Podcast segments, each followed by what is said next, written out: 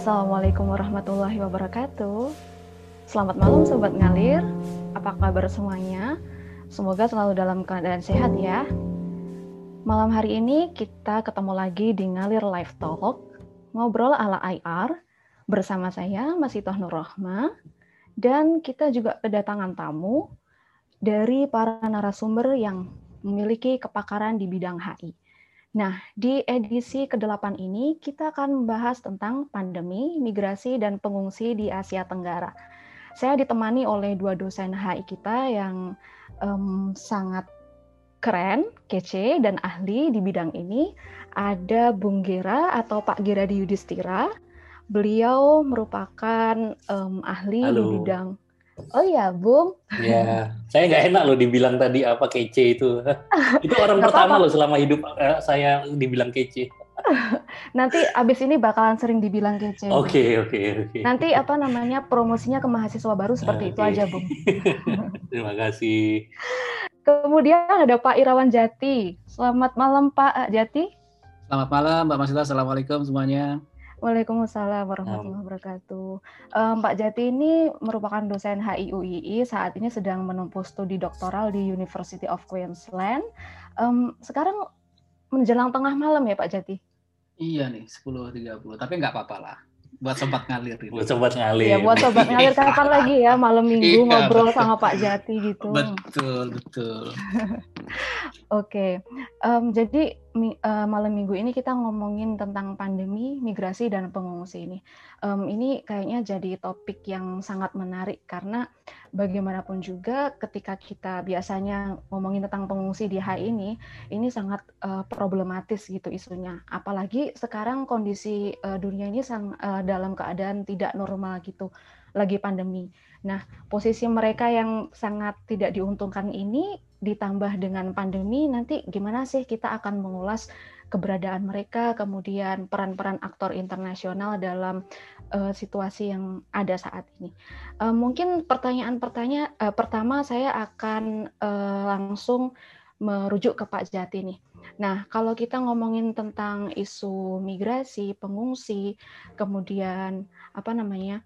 Uh, keamanan atau dalam konteks ini human security, menurut Pak Jati apa sih signifikansi human security dalam politik internasional ini, Pak?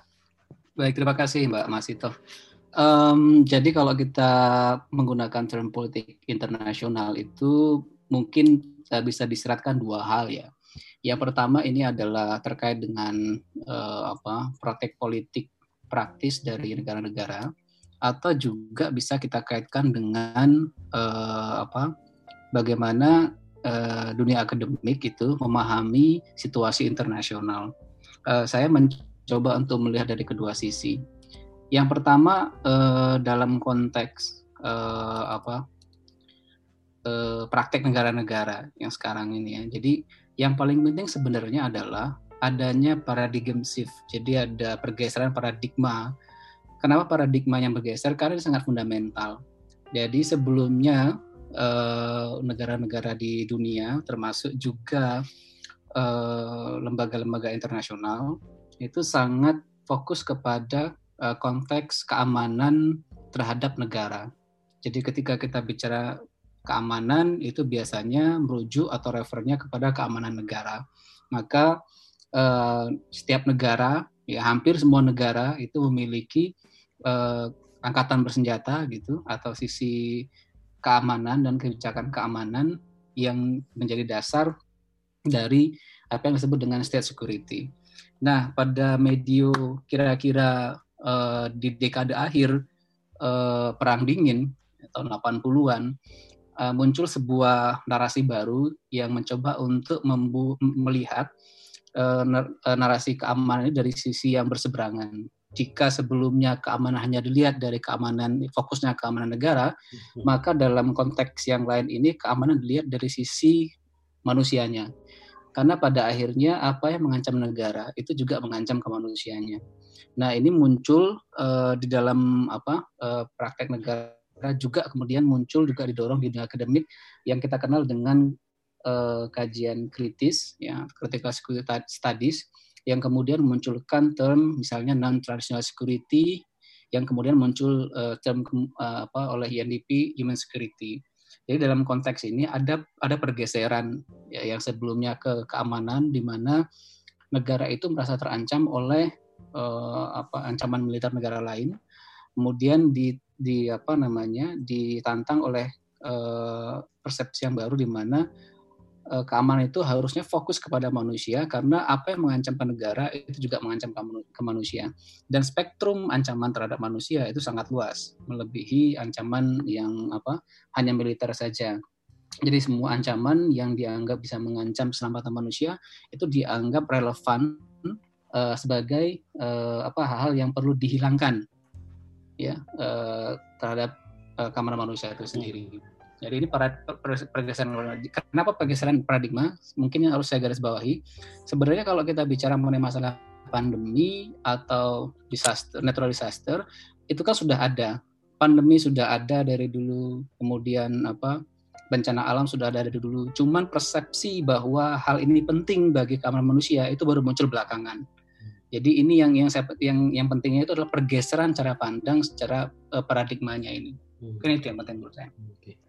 Baik, terima kasih Pak Jati. Menarik sekali hmm. ya. Ternyata kalau kita membicarakan keamanan um, itu tidak cukup kalau apa namanya bahasan kita hanya keamanan yang berpusat hmm. pada negara gitu. Um, apa namanya? Ini juga penting uh, bagi teman-teman yang baru masuk ke dunia HI, terutama ini Pak Jati kita punya banyak teman baru nih, mahasiswa baru nih.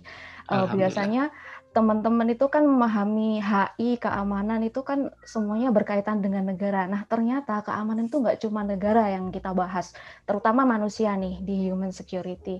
Dan tadi Pak Jati menjelaskan bahwa uh, konteks keamanan ini uh, mengalami pergeseran paradigma dari negara kemudian berpusat kepada manusia. Um, Pak Jati, saya mau tanya lebih lanjut nih. Uh, lantas kalau human security ini diaplis uh, diaplikasikan di ranah praktis yang berhubungan dengan migrasi dan pandemi ini jadinya gimana Pak Jati? Baik, um, tadi sedikit saya singgung di muka bahwa spektrum ancaman terhadap uh, apa yang diakui ya, yang relevan terhadap ancaman manusia itu kan banyak sekali, hampir tidak terbatas. Yang memang ini jadi masalah juga, jadi bukan berarti uh, tanpa masalah. Masalahnya ini menjadi uh, objek apa kritisisme berat dari uh, akademisi atau dari apa orang-orang yang lebih memandang bahwa keamanan itu memang lebih relevan keamanan negara. Karena kalau misalnya semua ancaman terhadap manusia dianggap sebagai ancaman keamanan, uh, jadinya itu enggak apa namanya tidak ada artinya lagi studi keamanan gitu. Hmm. Jadi ini misalnya dari teman-teman uh, perspektif realis yang menegasikan pandangan ini. Nah kalau ditanya mengenai politik praktisnya misalnya uh, yang paling mendasar kalau kita lihat dari konteks UNDP ya PBB gitu karena mereka punya konsep awalnya tahun 94 kemudian mereka mengembangkan itu sampai sekarang. Jadi kebijakan atau program yang dikembangkan oleh UNDP sekarang itu banyak basisnya itu kepada uh, keamanan manusia. Jadi sekarang ada kombinasi ya. Jadi sejak apa namanya sejak dicetuskan oleh UNDP itu program di UNDP itu ada dua uh, menurut saya ada dua pilar yang yang yang penting. Yang pertama ke human development, yang kedua ke human security. Nah ini kombinasi dari dua program ini yang sekarang sampai sekarang itu uh, menjadi andalan UNDP termasuk juga di Indonesia. Jadi saya cek misalnya program-program yang terkait mengenai uh, pengurangan kemiskinan, kemudian eradik, uh, radikalisasi, pengurangan deradikalisasi, kemudian program sosial yang lain itu ternyata banyak didukung oleh program uh, human security uh, versinya uh, UNDP. Ini ini yang yang apa namanya kalau kita lihat yang sangat praktis ya bagaimana konteks konsep human security itu di, di, dilakukan di lapangan. Yang kedua kalau kita lihat konteks negara misalnya kalau kita kaitkan dengan pandemi, negara sekarang berpikir bahwa uh, yang didahulukan itu adalah manusianya, jadi human first, hmm. economic later. Ya, jadi ekonomi bisa belakangan, tapi keamanan manusia uh, itu itu yang pertama, kesehatan manusia itu yang pertama. Maka kemudian kalau kita lihat sekarang bagaimana relevansinya, negara-negara setelah mereka menyadari bahwa pandemik itu berbahaya, itu mulai melakukan travel restriction bahkan uh, apa namanya border closing ya. Jadi uh, perbatasan ditutup, keluar masuk tidak bisa, kemudian restriksi di apa dilakukan kalau dalam konteks uh, lokal misalnya ada physical distancing. Ini sebenarnya uh, bagian penting dari man, di mana negara sudah mulai memandang bahwa keamanan manusia, kesehatan manusia kalau dalam konteks uh, spektrum salah satu spektrum apa human security UNDP itu itu yang didahulukan, bukan bukan yang lain. Jadi ini ini ini menurut saya ada ada ada ada kesadaran yang sudah mulai tinggi di, di konteks negara dalam dalam kasus COVID atau pandemi ini. Kemudian yang menurut saya ada peluang di sini, ada peluang di mana praktek perlindungan terhadap jadi human security itu sebenarnya bicara dua, perlindungan dan empowerment. Itu bisa bisa dikaitkan itu. Itu ada peluang di mana aktor non negara yang lain itu bisa berperan. Nah, ini kalau misalnya eh, teman-teman uh, uh, bisa baca misalnya tulisan rekan saya misalnya Mbak Atin itu nulis tentang alternatif perlindungan dalam konteks human security uh, kasusnya Rohingya ya uh, itu dengan menggunakan pendekatan Fukudian uh, governmentality. Jadi sebenarnya idenya adalah bahwa uh, yang bisa melakukan perlindungan dan empowerment itu tidak hanya negara, tetapi aktor lain di luar negara. Dan ini salah satu hal penting, saya pikir elemen penting di dalam konteks uh, praktis uh, human security. Kira-kira itu jawaban singkatnya, Mbak. Baik, terima kasih Mbak Jati atas penjelasannya. Iya. Menarik sekali ya. Um, ini kalau kita ngomongin negara tadi kan berusaha hmm. melindungi keamanan kesehatan masyarakatnya. Beberapa di antaranya melakukan travel restriction nih. Nah, kalau ada travel restriction nih gimana nih para migran nih posisinya? Um, mereka terancam atau gimana nih? Saya pingin Bung Gera yang jawab nih karena okay. beliau ahli isu migrasi. Gak ahli. Oke. Okay. Jadi uh, dalam konteks migrasi uh, migran itu terutama uh, migran ini selalu berada di dalam pihak yang paling lemah. Daya tawarnya uh, uh, apa namanya? Uh, salah satu karakteristik dari kelompok-kelompok migran itu kan uh, mereka tidak memiliki uh, kekuatan untuk melindungi mereka gitu. Tadi Pak Jati bilang soal human security, eh, bagaimana negara-negara itu menutup bordernya, bagaimana mereka melindungi warga negara yang ada di dalamnya. Kita lihat bagaimana misalnya saya sebagai warga negara Indonesia itu kemudian di, dilindungi oleh pemerintah Indonesia. Tapi kebetulan aja saya berada di dalam restriksi wilayah restriksi uh, Indonesia gitu. Jadi saya sebetulnya beruntung karena uh, negara saya punya pandangan bahwa uh, saya harus dilindungi gitu loh. Uh, kalau soal Indonesia penerapannya seperti apa itu bisa kita diskusikan lagi itu perdebatan lain lagi itu nanti apa namanya uh, ada banyak kritik soal itu kan. Tapi kemudian uh, ketika saya berada di luar negeri, ketika saya berada di Malaysia aja misalnya, uh, justru saya adalah orang yang satu tidak berada di dalam wilayah perlindungan dari Indonesia karena saya orang Indonesia. Yang kedua, saya tidak menjadi tanggung jawab Malaysia, gitu. Jadinya apa namanya? Uh, uh, apa posisi saya itu posisi yang paling eh, nggak uh, enak gitu. Ada KBRI, tapi seberapa kuat sih KBRI melindungi kita gitu ya? Bingung Bung mau berlindung ke siapa? Nah, berlindung ke Allah iya. Subhanahu wa taala. Allah Subhanahu wa taala ya berdoa saja zikir tiap malam. KBRI coba berapa stafnya? Orang-orang di luar negeri itu uh, di Malaysia saja yang yang yang yang tercatat itu ada 3 sampai 4 juta ya yang yang apa baik ilegal maupun uh, uh, legal gitu ya.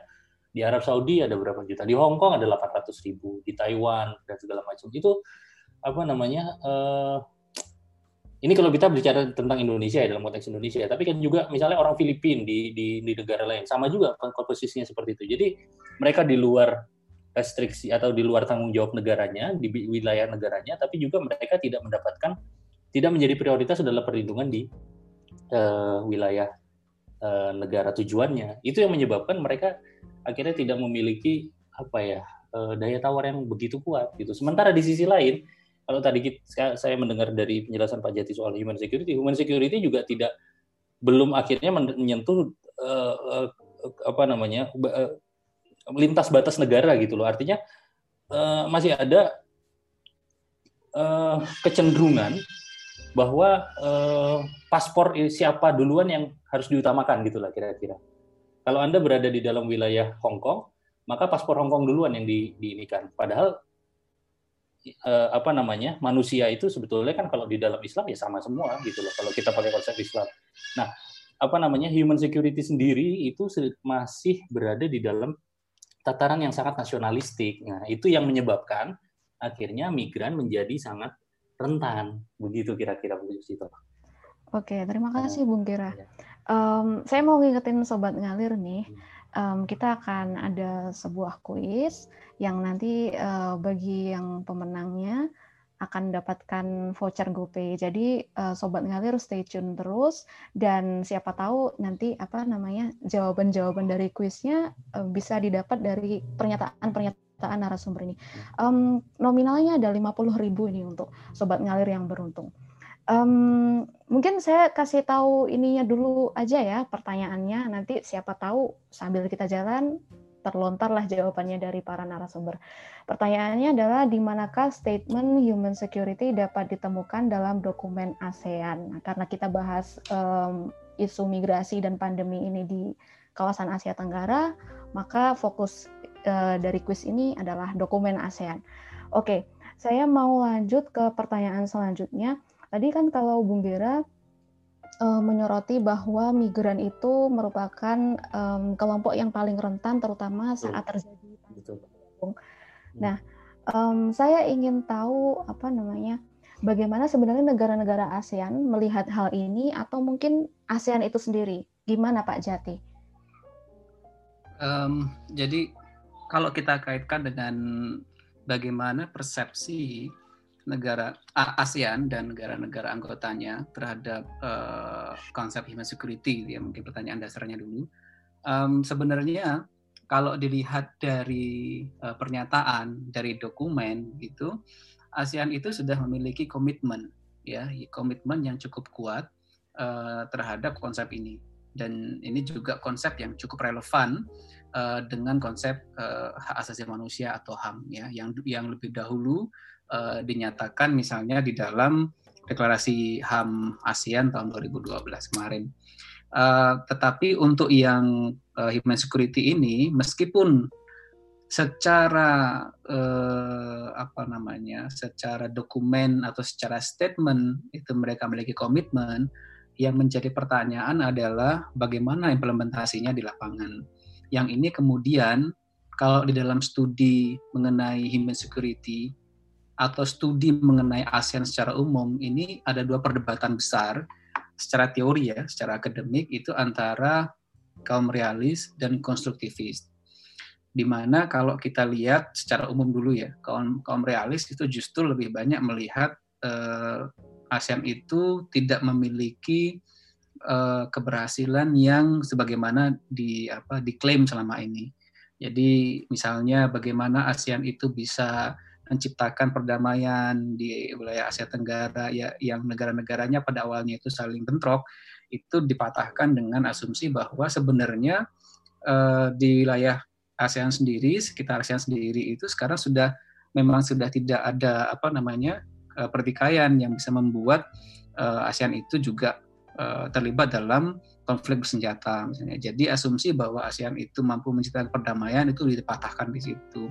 Tapi di sisi yang lain dalam konteks konstruktivis melihat bahwa ini diciptakan oleh eh, norma-norma yang dipahami bersama oleh negara-negara ASEAN. Jadi ASEAN Way itu salah satu uh, apa produknya itu uh, efeknya menciptakan perdamaian dan lain sebagainya. Nah dalam konteks human itu juga sama. orang orang-orang realis itu melihat bahwa konteks human security ini sebenarnya agak melemahkan uh, apa uh, fokus negara terhadap keamanan negaranya. Ya kemudian dalam konteks realis eh, sorry dalam konteks konsultatif melihat sebaliknya gitu. Nah yang yang mungkin saya garis bawahi dulu ada sedikit perbedaan antara sudut pandang non traditional security dengan human security. Ini mirip uh, ada kesamaan banyak kesamaannya tetapi ada perbedaannya sedikit. Ya, jadi non-traditional security itu sebenarnya masih melihat bahwa negara itu menjadi aktor penting. dia masih melihat bahwa keamanan negara yang disediakan oleh militer, uh, yang militer itu disediakan, yang militer itu diadakan untuk uh, menangkis uh, infiltrasi militer asing itu masih dibutuhkan. Jadi dalam konteks non traditional security, keamanan uh, apa konteks militer itu masih dipertimbangkan. Sedangkan uh, human security um, konteks militer, ancaman militer sama sekali tidak dipertimbangkan. Jadi ini ada sedikit perbedaan. Nah, jadi sekali lagi kalau dalam konteks ASEAN, ASEAN sudah punya komitmen, tetapi pelaksanaannya lemah. Ya, di negara-negara anggota ASEAN kalau kita lihat ada satu negara yang lebih maju, ya, uh, dan lebih berani dalam hal ini, uh, yaitu Thailand. Jadi Thailand itu sudah memiliki kementerian khusus kalau teman-teman uh, bisa cek yaitu di Kementerian apa Ministry of Social Development and Human Security itu nama kementeriannya. Jadi secara khusus mereka secara eksplisit sudah menyebut kementeriannya Human Security. Jadi di programnya kaitannya dengan paling tidak kalau kita bisa pakai pendekatannya UNDP itu fokusnya ke tujuh elemen dari apa human security UNDP. Nah, bagaimana dengan Indonesia? Indonesia sebenarnya banyak diakui oleh ahli konteks human security kalau dilihat dari tujuh aspek dari UNDP itu sebenarnya sudah ada ya terutama uh, di departemen sosial kemudian di apa uh, Kementerian Kesehatan. Nah tetapi yang jadi masalah adalah itu masih sporadis dan tidak ter terorganize. Um, selama yang saya pahami sampai saat ini daripada menggunakan tax human security, pemerintah Indonesia masih mendahulukan menggunakan uh, apa uh, narasi uh, kemarin Millennium Development MDGs, Millennium Development Goals, dan uh, sekarang Sustainable Development Goals. Jadi human security itu masih apa su sudah mereka tahu ada sedikit dipakai, tapi belum begitu menginternalize. Yang sudah agak lebih maju kalau kita bandingkan di setiap kementerian yang ada di pemerintah uh, yang memang sudah lebih banyak mengakui human security itu justru Kementerian Pertahanan. Jadi di uh, apa paling tidak di draft Undang-Undang Keamanan Negara itu human security sudah disebutkan secara jelas sebagai salah satu aspek keamanan uh, negara gitu ya. Jadi kira-kira dalam konteks ini uh, sudut pandang ASEAN begitu. Nah, uh, di mana bisa misalnya di ASEAN ditemukan apa uh, statementnya misalnya. Jadi kalau saya mentrace dokumen ASEAN, kebetulan di saat saya di bidang ini gitu, um, jadi ada ada ada dua hal yang penting yang saya sebut bagaimana ASEAN punya komitmen itu. Yang pertama ada refleksinya, refleksi jadi konteks human security, security tersebut di ASEAN Charter tahun 2007 itu ada refleksinya. Memang di sana tidak menyebutkan human security secara langsung, tetapi konteks misalnya people centered uh, institution atau people centered organization itu sudah ada di sana jadi terrefleksikan di situ. Kemudian yang kedua juga terrefleksikan di uh, blueprint ASEAN Socio-Cultural Community tahun 2009-2015 sekali lagi ini terrefleksikan tetapi tidak disebut secara jelas.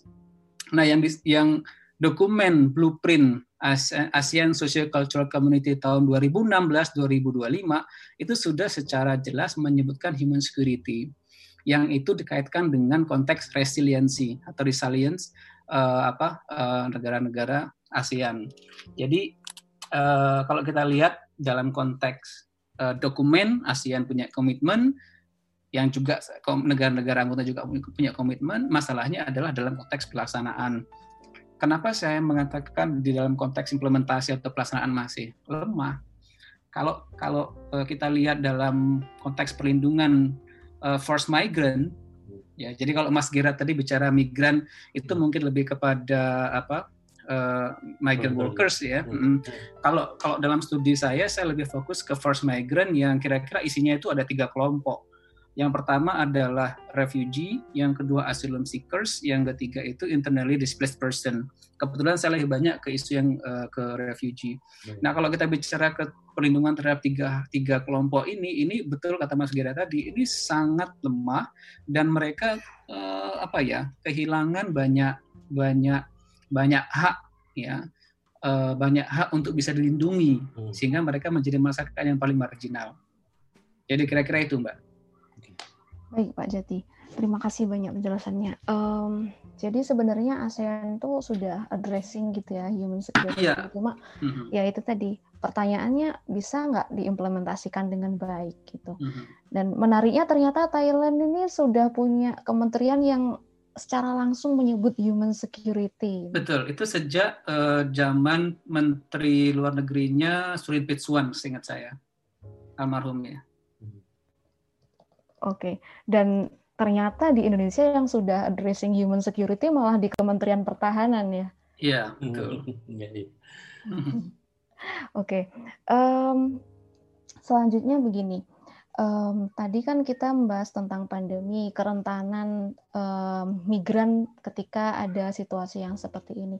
Nah, um, selain dalam konteks pandemi ini ada kerentanan para uh, migran, ternyata juga ada isu-isu uh, lain yang mengeri, mengiringi, misalkan adanya xenofobia. Nah, kenapa sih xenofobia itu sering kita dengar waktu pandemi ini? Saya ingin nanya ke Bung Gera Um, xenofobia, mohon maaf itu sebelah ada soundtrack kedengeran kelihatannya. Oke, okay, uh, eh, saya berharap mereka ngantuk tapi ternyata tidak. um, soal xenofobia ini kan sama kaitannya dengan apa yang tadi uh, Pak Jati saya juga uh, singgung sebelumnya bahwa uh, migran itu adalah dalam situasi yang tidak mengenakan gitu ya. Uh, dan alhamdulillah ini cocok nih karena saya memang lebih banyak uh, apa namanya melihat dari sisi migran yang sukarela, voluntarily migran seperti pekerja biasanya. Uh, kalau Pak Jati bilang lihat dari sisi yang refugee yang yang yang apa force yang ter ter apa ya ter terpaksa gitu ya.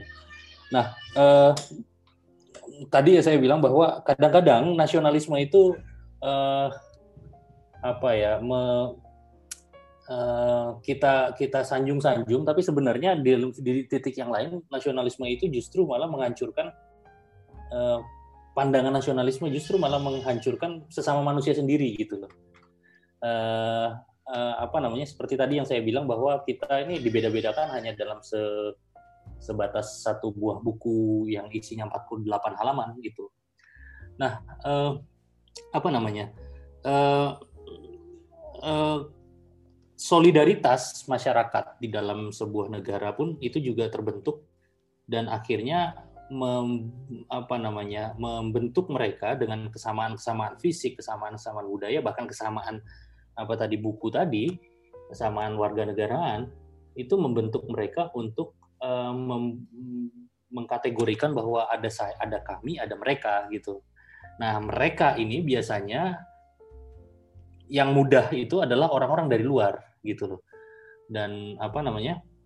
E, orang-orang dari luar ini terutama orang-orang yang berbeda, apalagi orang-orang yang memiliki apa uh, latar belakang sejarah yang mungkin juga punya sejarah yang kurang mengenakan dan segala macam itu yang menyebabkan akhirnya membuat sebuah pandangan bahwa orang-orang ini itu akan menjadi ancaman ketika orang-orang ini ketika mereka terutama mereka bukan kami mereka itu mencoba untuk menguasai uh, negara ini itu itu pandangan yang yang yang sama sekali apa menyesatkan tapi di sisi lain juga kita tidak heran bahwa itu semua dipakai semua. Apalagi di dalam masa krisis ini. Di dalam masa krisis ini, sepertinya di dalam sebuah situasi yang tidak mengenakan, itu kecenderungan dari eh, warga-warga negara, termasuk negara, dan menggunakan ini sebagai sebuah komoditas politik, itu adalah dengan men me menyalahkan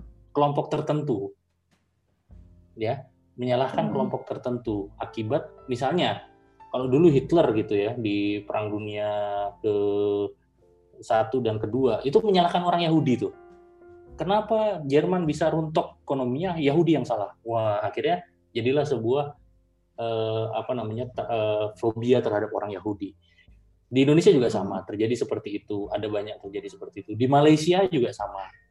Di Inggris juga sekarang pun sama, misalnya di uh, pasca 2008 itu kan uh, apa namanya imigran gitu ya, imigran itu selalu menjadi kambing hitam atas krisis. Kenapa? Karena mereka mengambil pekerjaan, karena mereka apa namanya, apalagi kalau mereka sampai dominan di ekonomi itu, itu menjadi satu hal yang uh, sangat apa ya, sangat salah. Tapi normal itu terjadi di di kala situasi krisis. Nah, saya di di Malaysia misalnya orang-orang Indonesia itu sudah mulai di sudah mulai ketika mereka apa namanya ekonomi kemudian perusahaan-perusahaan mereka terdampak gitu yang mereka pecatin pertama siapa ya orang Indonesia duluan terutama orang-orang yang berada di dalam level pekerjaan paling bawah gitu itu mereka pecatin duluan terus nanti ketika nanti recovery siapa yang didulukan oleh Malaysia ya orang-orang Malaysia duluan orang-orang Indonesia nanti dulu gitu kita duluan gitu. Misalnya ekonomi mereka recovery. Sekarang kan hancur-hancuran gitu bisnis di Malaysia banyak yang tutup. Ada teman saya pekerja migran sekarang pulang ke Indonesia akhirnya jadi aktivis di salah satu LSM migran di Jakarta gitu. Itu uh, apa uh, mereka balik ke, ke Malaysia apa enggak? Kalau misalnya ekonomi Malaysia nanti benar-benar hancur lalu mereka recovery, selama recovery itu mereka akan tetap mendahulukan orang-orang Malaysia gitu. Jadi uh, secara simpel, ketika negara hancur, apalagi di dalam negara-negara yang demokrasi, ketika negara mulai uh, mendekati situasi krisis, siapa yang uh, menjadi apa namanya uh, disalahkan itu adalah orang-orang yang uh, pendatang gitu, orang-orang migran dan segala macam. Karena itu secara secara politis sangat menguntungkan gitu lah, sangat menguntungkan sekali. Wah, ini yang salah nih, makanya kita harus apa namanya eh, sama-sama melawan mereka. Pilihlah saya. Nah itu nanti mereka dapat, dapat simpati dari situ kira-kira gitu. Itu mungkin bisa situ. Oke, makasih Bung.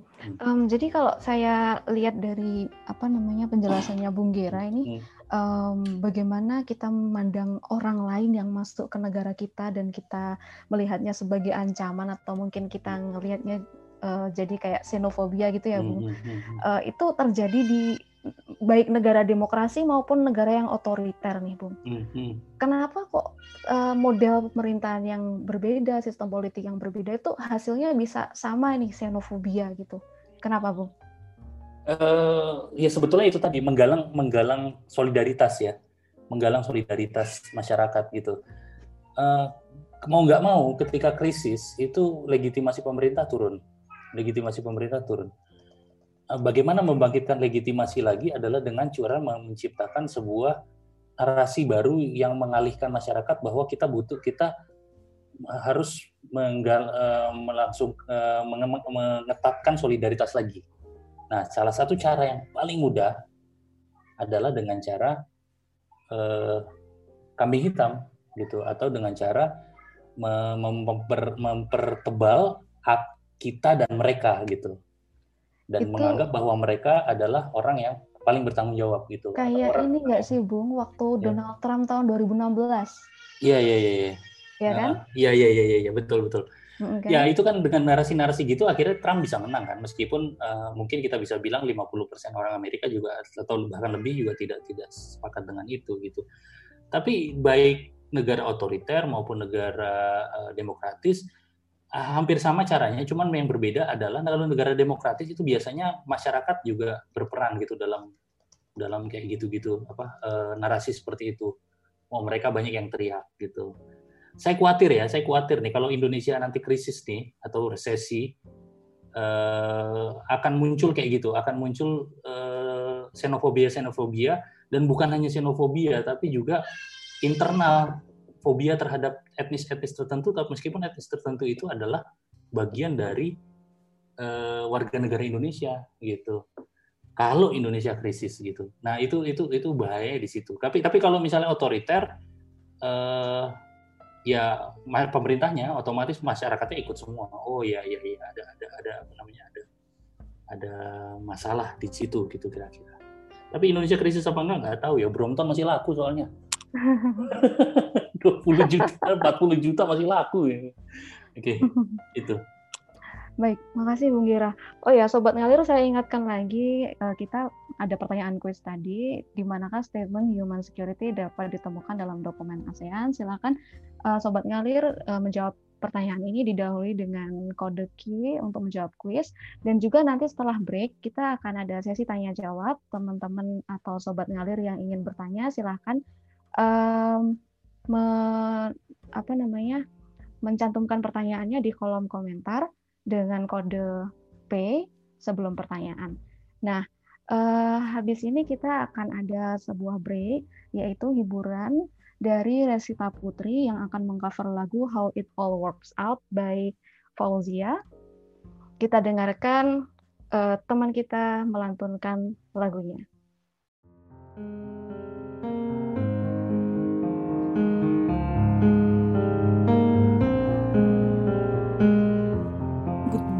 start with hello. That's why I don't trust anyone that walk through the door. but I throw that out the window. I'm just gonna pretend that it's going on a good note,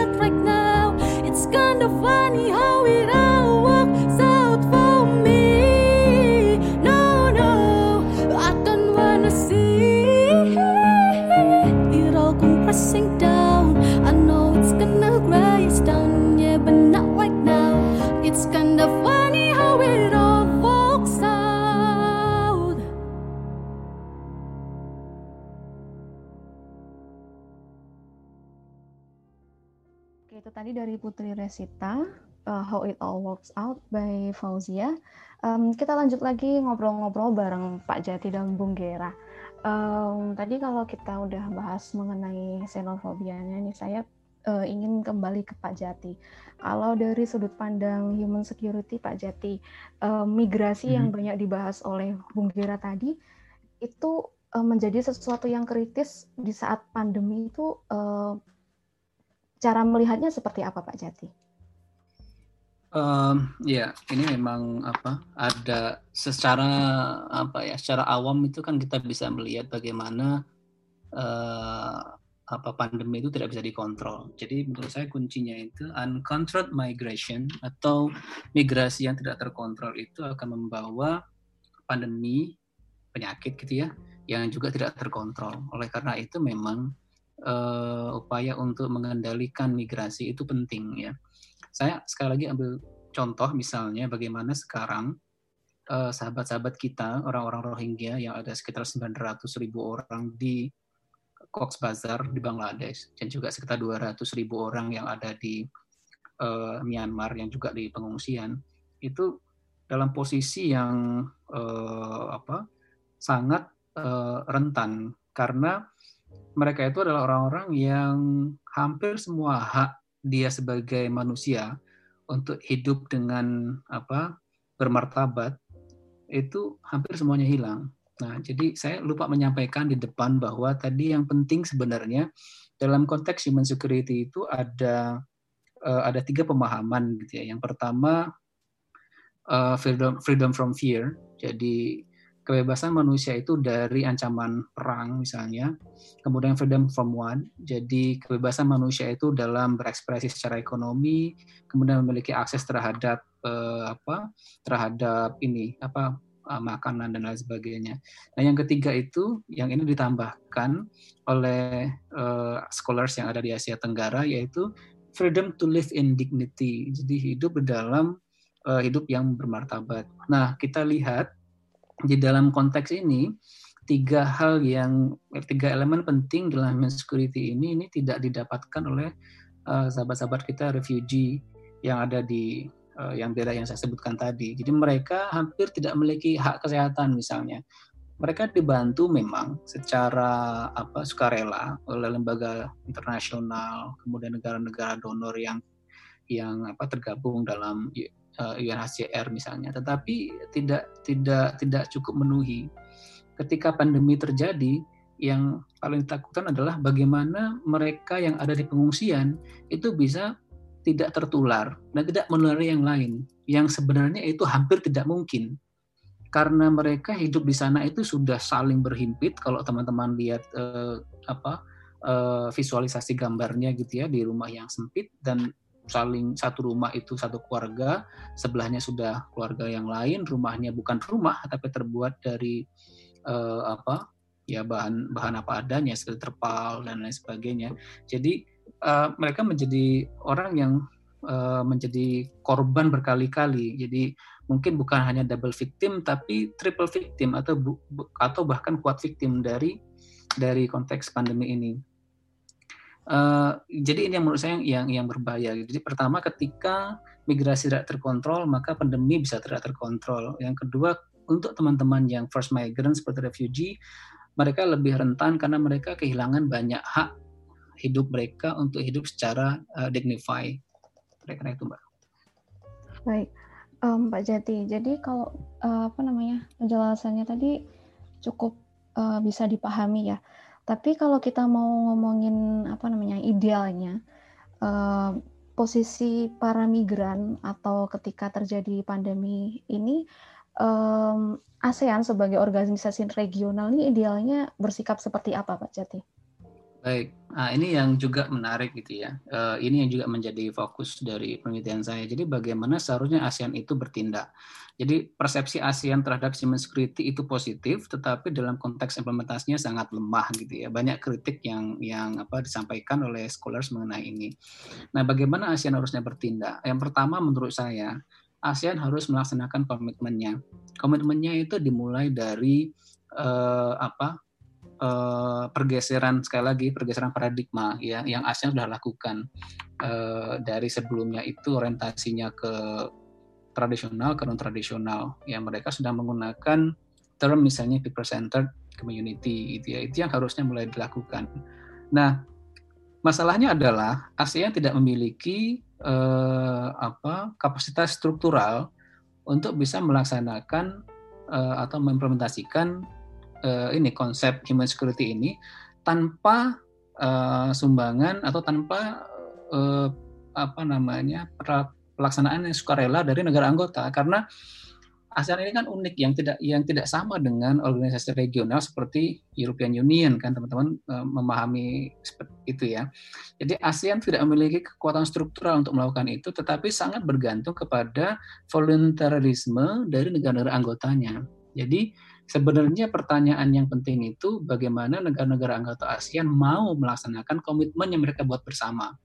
Jadi komitmen yang dibuat misalnya di dalam konteks tadi blueprint tahun 2016 2025 itu itu bagaimana dilaksanakan di dalam konteks politik internal mereka atau konteks domestik mereka itu itu harusnya yang yang apa uh, dilaksanakan jadi uh, untuk menghindari uh, apa kritisisme dari banyak pihak bahwa ASEAN selama ini itu hanya membuat banyak progr uh, banyak apa proses tetapi bukan progres jadi hanya proses hmm. bukan progres itu yang uh, apa harus dilakukan oleh ASEAN menurut saya Baik, jadi ini poin pentingnya adalah um, kita nggak hanya berfokus pada ASEAN dan memberikan kritik, tapi juga bagaimana voluntarily dari anggota ASEAN ini bisa mm-hmm. apa namanya ya diinternalisasi dan diimplementasikan dengan baik gitu ketika menghadapi uh, situasi yang gawat seperti Betul. ini. Betul. Ya, saya coba tambahkan sedikit, Mbak, untuk yang kasus yang ini apa misalnya pengungsi ya Rohingya terutama. ASEAN sudah memiliki komitmen untuk sekali lagi nih komitmen ya. Ini untuk uh, merepart repatriasi uh, orang-orang Rohingya dari negara-negara uh, anggota ASEAN ke uh, Myanmar, tetapi sampai sampai saat ini repatriasinya itu uh, belum dilaksanakan secara maksimal dan hanya partial uh, effort ya, terutama dari Indonesia. Yang sayangnya uh, secara apa institusi ASEAN sekali lagi belum uh, belum punya kapasitas untuk melakukan itu. Kira-kira gitu. Baik, uh, terima kasih Mbak Jati. Saya mau ngingetin Sobat Ngalir dulu, kalau ada pertanyaan silahkan bisa ditulis di kolom chat di YouTube uh, dengan kode P sebelum pertanyaan. Um, Oke, okay, saya lanjut nih. Um, Bung Gera kan ini banyak meneliti tentang pekerja migran nih. Kalau menurut Bung Gera nih pada saat pandemi ini gimana kondisi para pekerja migran, terutama yang TKI-TKI ini, Bung? Iya, ya tadi yang saya bilang ya bahwa uh, tidak ada kata ideal dari buat mereka kecuali uh, apa white color ya. Kalau yang blue color uh, migran itu kan apalagi yang mereka itu apa uh, uh, quote on quote ilegal itu itu uh, susah sekali hidupnya ya. Uh, mereka sudah tidak memiliki pekerjaan Eh, dalam kondisi-kondisi beberapa bulan lalu mereka hanya memiliki tabungan untuk beberapa minggu lalu mereka tidak bisa kembali ke rumah karena karena kondisinya sedang apa namanya tidak ada transportasi tertutup semua.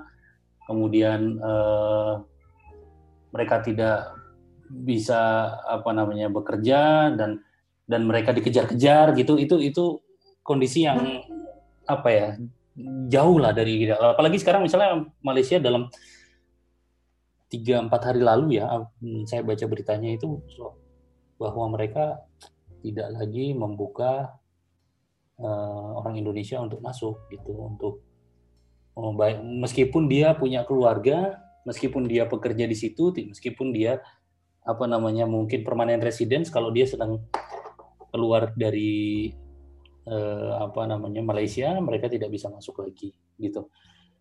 Dan dari Malaysia keluar itu justru malah mudah gitu ya. Uh, mereka banyak yang di di apa mereka banyak keluar gitu. Tapi pertanyaannya itu tadi bahwa uh, saya bukan bukan bukan apa ya, bukan meneliti secara uh, serius sebetulnya seperti Pak Jati itu saya cuma beberapa kali ikut dalam proyek penelitian uh, tentang itu dan saya melihat secara langsung bagaimana mereka hidup dan segala macam. Dan pandangan tentang ilegal legal itu menjadi menjadi kabur buat saya. Dan tidak ada hitam putih kebenaran di dalam uh, legal dan ilegal gitu. Karena proses itu sangat kompleks dan banyak dari mereka yang tidak tahu. Jadi kadang-kadang kita me, me, me, apa ya me, mensimplifikasikan bahwa itu sudah pantas diterima oleh orang-orang uh, karena mereka adalah pekerja yang ilegal gitu ya.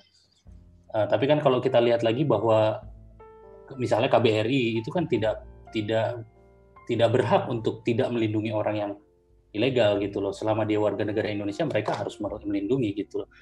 Dan di sisi lain bahwa uh, proses itu um, mereka selama proses untuk menjadi TKI itu semua kabur semua untuk menjadi ilegal atau uh, legal.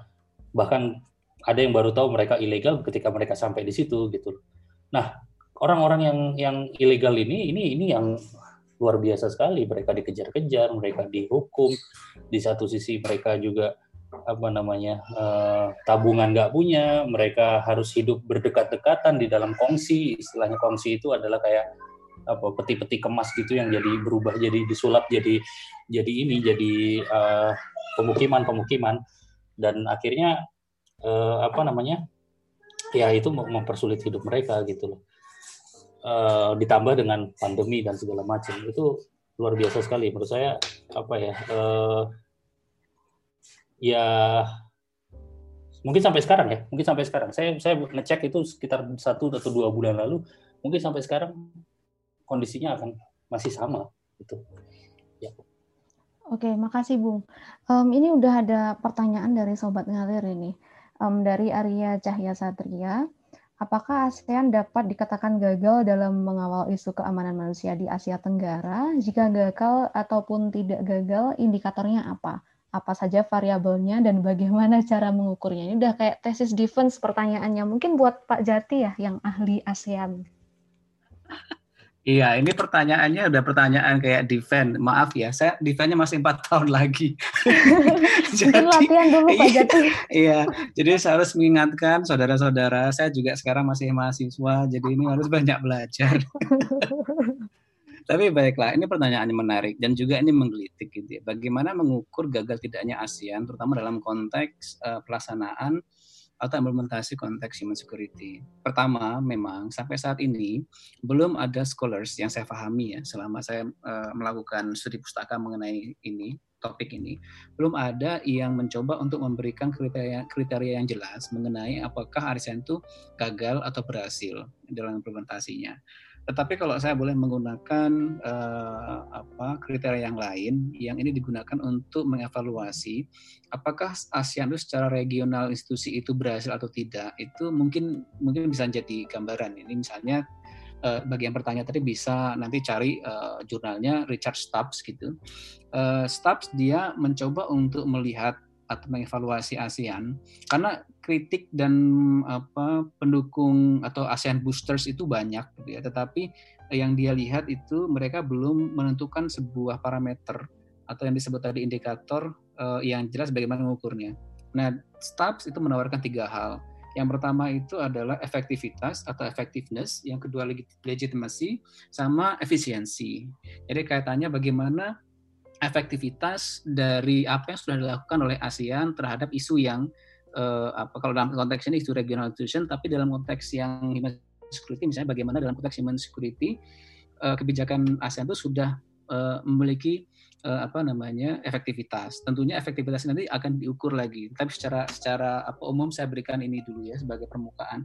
Yang kedua bagaimana uh, ASEAN itu memiliki apa legitimasi ya legitimasi terhadap uh, apa uh, kebijakan uh, dan juga secara struktur memiliki legitimasi terhadap agenda yang disetting di organisasi ya sebagai sebuah organisasi multilateral. Kemudian uh, yang ketiga adalah efisiensi. Bagaimana uh, kebijakan itu bisa efisien gitu dilakukan. Uh, misalnya dilihat bagaimana antara rasio output dan dan resource yang digunakan. Jadi berapa outputnya apa, resource yang digunakan sebanyak apa gitu. Jadi semakin uh, banyak tercapainya output dengan sedikit resource, maka itu mungkin bisa dikatakan uh, efektif. Jadi sekali lagi mungkin ini bisa dijadikan sebagai uh, apa perbandingan gitu untuk mengukur bagaimana ASN bisa dikatakan gagal atau berhasil. Demikian, Mbak. Baik, Pak Jadi, terima kasih. Uh, sepertinya latihannya udah cukup baik, Pak Jati. Oke, okay. ini ada pertanyaan kedua dari It's Just Okur. Namanya keren sekali ya. um, pertanyaannya, bagaimana negara anggota ASEAN mau melaksanakan komitmen bersama tanpa melibatkan bekas konflik antar negara? Um, mungkin ini kaitannya sama implementasi itu tadi ya, um, mengenai bagaimana negara berkomitmen. Um, ini siapa ini yang mau menjawab ini? Bapak Pak Jati dulu, nanti saya tambahkan. Hmm. Oke, okay, baik. Hmm. Uh, ya, saya sedikit cerita agak agak ke belakang sedikit ya. Jadi dalam konteks uh, paradigma keamanan di di Asia Tenggara itu itu ada pergeseran uh, pada saat uh, pasca Perang Dunia Kedua gitu um, itu ada persepsi jadi sebelum terbentuknya ASEAN dan masa awal ASEAN ya ada persepsi bahwa ancaman di kawasan ASEAN itu terbagi dua gitu jadi ada kawasan Asia itu terbagi dua, mainland Asia Tenggara dan maritim Southeast Asia. Yang mainland itu adalah negara-negara Indo-Chinese, sedangkan yang maritime itu uh, Indonesia, Malaysia, Singapura, uh, dan lain sebagainya, Thailand sama Filipina dan termasuk juga Brunei sekarang. Nah, dari dua wilayah ini spektrum ancamannya berbeda secara tradisional ya. Di uh, apa di mana di uh, mainland uh, Southeast Asia, ancaman utamanya adalah uh, ini major power rivalries. Jadi pada saat itu antara Amerika sama komunisme ya, liberalisme sama komunisme yang diwakili oleh Amerika dan Cina pada saat itu. Kalau di di Asia Tenggara yang maritime yang kita ini justru yang dianggap uh, mengancam itu Indonesia terhadap kedaulatan Malaysia, Singapura, uh, Brunei, uh, mungkin tidak ke Thailand ya, uh, tapi paling tidak itu di kawasan ini yang, yang mendominasi Indonesia. Nah ini ada ada pada sudut pandang ini. Kemudian ini berubah pada saat ASEAN berdiri. Jadi ASEAN itu sudah sudah bisa mampu menawar uh, konflik internal, terutama mengenai masalah kedaulatan itu uh, cukup baik gitu ya. Uh, termasuk juga ASEAN juga cukup baik dalam menekan atau justru bahkan menghilangkan konflik perbatasan wilayah. Misalnya pada saat ASEAN baru berdiri uh, Indonesia terutama punya peran mendamaikan antara Malaysia dan Filipina ketika mereka berkonflik uh, terkait perbatasan atau klaim Filipina dan Malaysia terkait wilayah uh, Sabah ya yang sekarang memang sudah sudah, sudah diakui masuk ke Malaysia.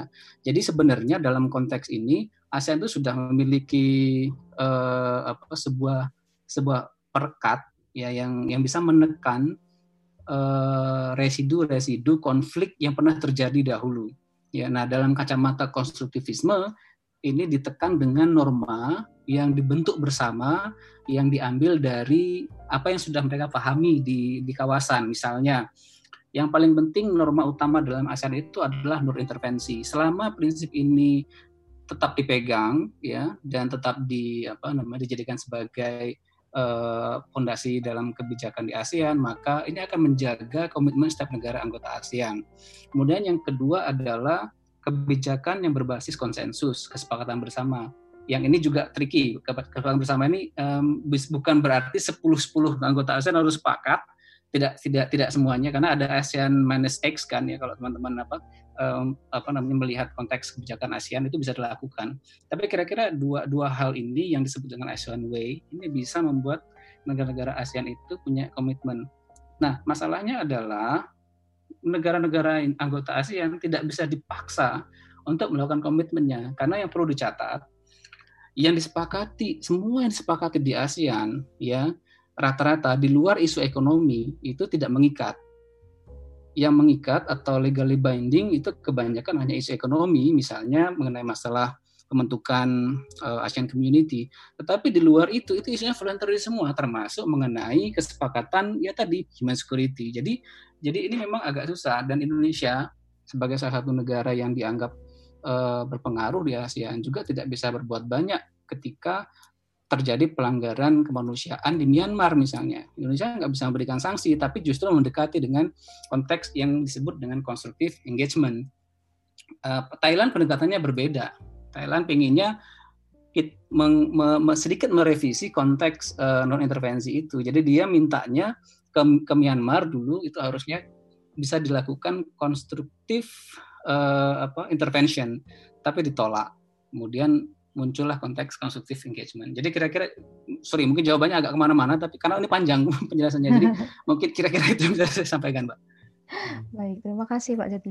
Hmm. Kita tambahin ya bahwa uh, tidak ya salah satu poin yang juga saya tidak tidak terlalu mengamati dalam seperti Pak Jati, tapi uh, setiap masalah setiap anggota ASEAN itu punya masalah sendiri-sendiri yang akhirnya bisa jadi backfire juga kalau mereka terlalu banyak menuntut ke sebelah mereka akan dituntut juga misalnya karena kasus Indonesia Indonesia kan punya banyak juga pelanggaran-pelanggaran ham misalnya kayak di di Papua dan segala macam uh, mereka menuntut terlalu banyak atau mereka terlalu banyak untuk me, meminta komitmen dan nah, nanti di, di akan dikembalikan komitmen mereka di di hal lain gitu yang yang yang mereka juga sulit gitu. Jadi uh, apa ya uh, dari memang dari secara desain mungkin Pak Jati tadi sudah bilang bahwa ASEAN ini memang tidak didesain untuk itu semua, tidak didesain untuk untuk untuk jangan-jangan kayak saya ASEAN ini tidak didesain untuk menyelesaikan masalah-masalah regional gitu loh karena memang ya sekedar uh, apa namanya kita punya organisasi nih oke okay, ya dan apa namanya senang-senang gitu. Oke, okay. uh, terima kasih Bung. Um, kita nggak terasa udah jalan satu jam, tapi masih ada beberapa pertanyaan. Mungkin kita akan ulas dulu sebelum kita um, akhiri. Tapi di sini juga uh, apa namanya jawaban kuis masih terbuka untuk sobat ngalir yang uh, berminat untuk siapa tahu beruntung dapat GoPay 50.000. Um, uh, saya mau lanjut ke pertanyaannya Jasfir. Apakah isu HIV AIDS menjadi bagian dari konsentrasi human security uh, di negara-negara anggota ASEAN? Jika iya, bagaimana bentuk nyata uh, hal tersebut menjadi perhatian bersama? Monggo para pembicara. Kalau nggak salah juga penyakit itu boleh ya Pak? Penyakit itu masuk dalam ini juga ya Pak Jati ya? Iya. Hmm. Iya, iya itu uh, jelas. Uh, apakah punya apa namanya anggota ASEAN punya ini perhatian? Iya, punya perhatian karena kita ambil contoh Indonesia sendiri ya. Uh, kasus AIDS itu saya lupa uh, medionya, tetapi saya saya juga sempat menulis sedikit ini di literatur review saya. Uh, kasusnya memang uh, apa terus meningkat ya, kasus terus meningkat Eh, dan ini menjadi perhatian serius. Nah, dalam konteks kerjasama ASEAN tentunya ini diatur atau uh, agendanya ada di bawah uh, apa uh, ASEAN Cultural Community ya di bawah itu yang di situ ada kerjasama antara uh, kementerian atau menteri-menteri kesehatan di negara-negara anggota ASEAN yang salah satu programnya adalah untuk men isu penyebaran HIV/AIDS begitu. Baik. Ya. Uh, Bung Gira mau menambahkan? Sudah, sudah, sudah cukup. Um, kita ke pertanyaan terakhir ya, Nanda Rainaldi. Hmm, hmm. Um, respon ASEAN apakah bisa terbilang lambat dalam mengenangani mobilitas terhadap penanganan pandemi sehingga mengakibatkan tekanan ke arah yang lebih serius, misalkan dari kaum civil society, migrant care. Um, monggo, siapa dulu ini? Ya, kalau saya sih melihat memang hmm, mungkin Pak Jati punya pandangan lain ya, tapi saya melihat cukup cukup cukup lambat ya. Saya setuju dengan ini dan uh, dan saya dari awal memang tidak tidak berharap apa-apa dari ASEAN untuk untuk soal ini ya gitu. Uh, ketidakseragaman misalnya uh, di sini tutup, di sana buka, di sini buka, di sana tutup. Nah, itu kan uh, jadi apa ya? Jadi masalah tersendiri. Kemudian juga uh, Malaysia Eh, meskipun ada ASEAN tapi tetap harus me, me, me, apa ya mengetatkan border uh, dia punya paspor Malaysia kayak dia punya sorry paspor Indonesia paspor ASEAN kayak tetap nggak boleh masuk ke negaranya saya pikir uh, apa namanya hmm, tidak ada di situlah menurut saya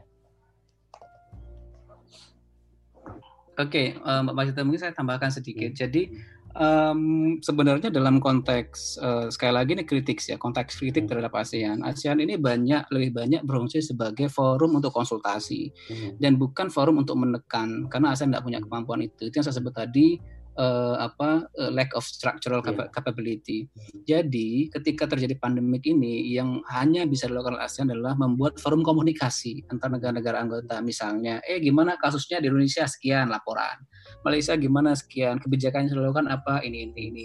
Tetapi ASEAN tidak memiliki kewenangan atau otoritas misalnya untuk minta setiap negara uh, close border atau meminta semua negara untuk menghentikan international flight. Itu tidak memiliki itu. Sehingga untuk mengukur apakah ASEAN lambat menurut saya uh, dalam konteks ini juga tidak bisa di apa uh, dikatakan lambat atau tidak lambat karena memang ASEAN tidak memiliki kapasitas untuk yeah, bertindak yeah, di luar uh, kapasitas institusi sekali yeah, lagi yeah, yeah, yeah. untuk ini ASEAN hanya menjadi forum uh, konsultasi. Konsultasi betul. Mm -hmm. Okay. Jadi jangan jangan ber, berharap sama ASEAN. Makanya tadi saya bilang. Iya, iya, iya, iya. Itu, itu juga mas. Itu sayangnya yeah. seperti itu. Tapi sayangnya ASEAN itu menjadi uh, organisasi yang yang apa ya eh, satu-satunya yang diakui di di kawasan. That's yeah. the problem. Bukan ASEAN yang salah, Anda yang salah terlalu banyak Jangan berharap ke ASEAN ya. ya berharap, berharap tuh hanya ke Tuhan aja gitu ya. Oke, okay. terima kasih Bung Gira dan Pak Jati. Ini um, kita sudah sampai di penghujung ngobrol-ngobrol kita ini. Um, mm-hmm. Tadi uh, kita punya kuis nih. Tadi ada jawaban yang benar nggak Pak Jati ini tadi pertanyaannya? Uh, ada nih, ada tadi yang benar nih jawabannya itu tadi. Dari Baca siapa ya ini tadi? Nadia, Nadia betul. Dari Nadia Firdaus ya. Iya. Hmm. Ya, jawabannya benar. Dari ya. ASEAN Socio-Cultural Community tahunnya uh, 2016 2025 harusnya. 2025 harusnya. Tapi ya. dikasih nggak nih Pak Jati? nggak apa-apa lah yang yang mendekati ini kan Oke. Okay. Selamat Pak Nadia Firdaus uh, akan mendapatkan ya. voucher GoPay okay. senilai lima puluh ribu rupiah. Mantap. Okay. Uh, eh, mungkin ada pesan untuk sobat ngalir dari Bung Gera dan Pak Jati?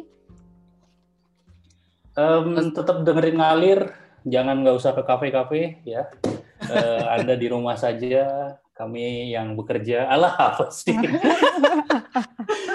ya intinya intinya ya intinya eh, apa namanya eh, banyak orang yang orang-orang terdekat saya kena dan banyak orang terdekat saya juga yang yang jadi korban hmm. gitu ya. Yeah. Jadi eh, apa namanya mungkin anda kuat tapi jangan lupa bahwa anda punya orang-orang di sekeliling anda yang harus anda jaga juga gitu sehingga eh, apa eh, menjadi menjaga protokol dan keluar se, se apa ya seperlunya saja itu penting apalagi kalau anda berada di dalam zona merah misalnya kayak Jabotabek gitu.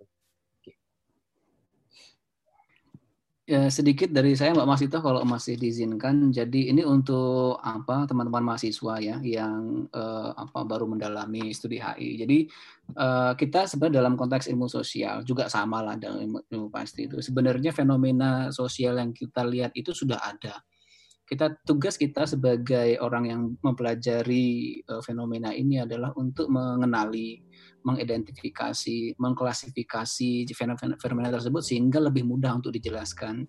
Dan memang salah satu tantangannya adalah fenomena internasional itu luas ya. Dan itu kadang-kadang membuat kita itu menjadi orang yang generalis. Sehingga pada suatu saat teman-teman butuh untuk um, me, me, memfokuskan diri kepada satu fenomena khusus sehingga Anda bisa menguasai itu. Itu, terima kasih. Baik, super sekali dari Pak Irawan Jati dan Bung Geradi Yudhistira. Oke, terima kasih Sobat Ngalir. Selamat untuk yang menang kuis tadi. Uh, insya Allah dua minggu lagi kita ketemu lagi di Ngalir Live Talk, ngobrol ala IR, dengan topik-topik yang terbaru dan menarik tentunya. Terima kasih. Baik, terima kasih Bung Gera, terima kasih Pak Jati, semoga sehat selalu. Sukses selalu Pak Jati. Ya. Terima kasih. Ya. Terima kasih Sobat Ngalir juga uh, jangan lupa jaga kesehatan mental dan fisik.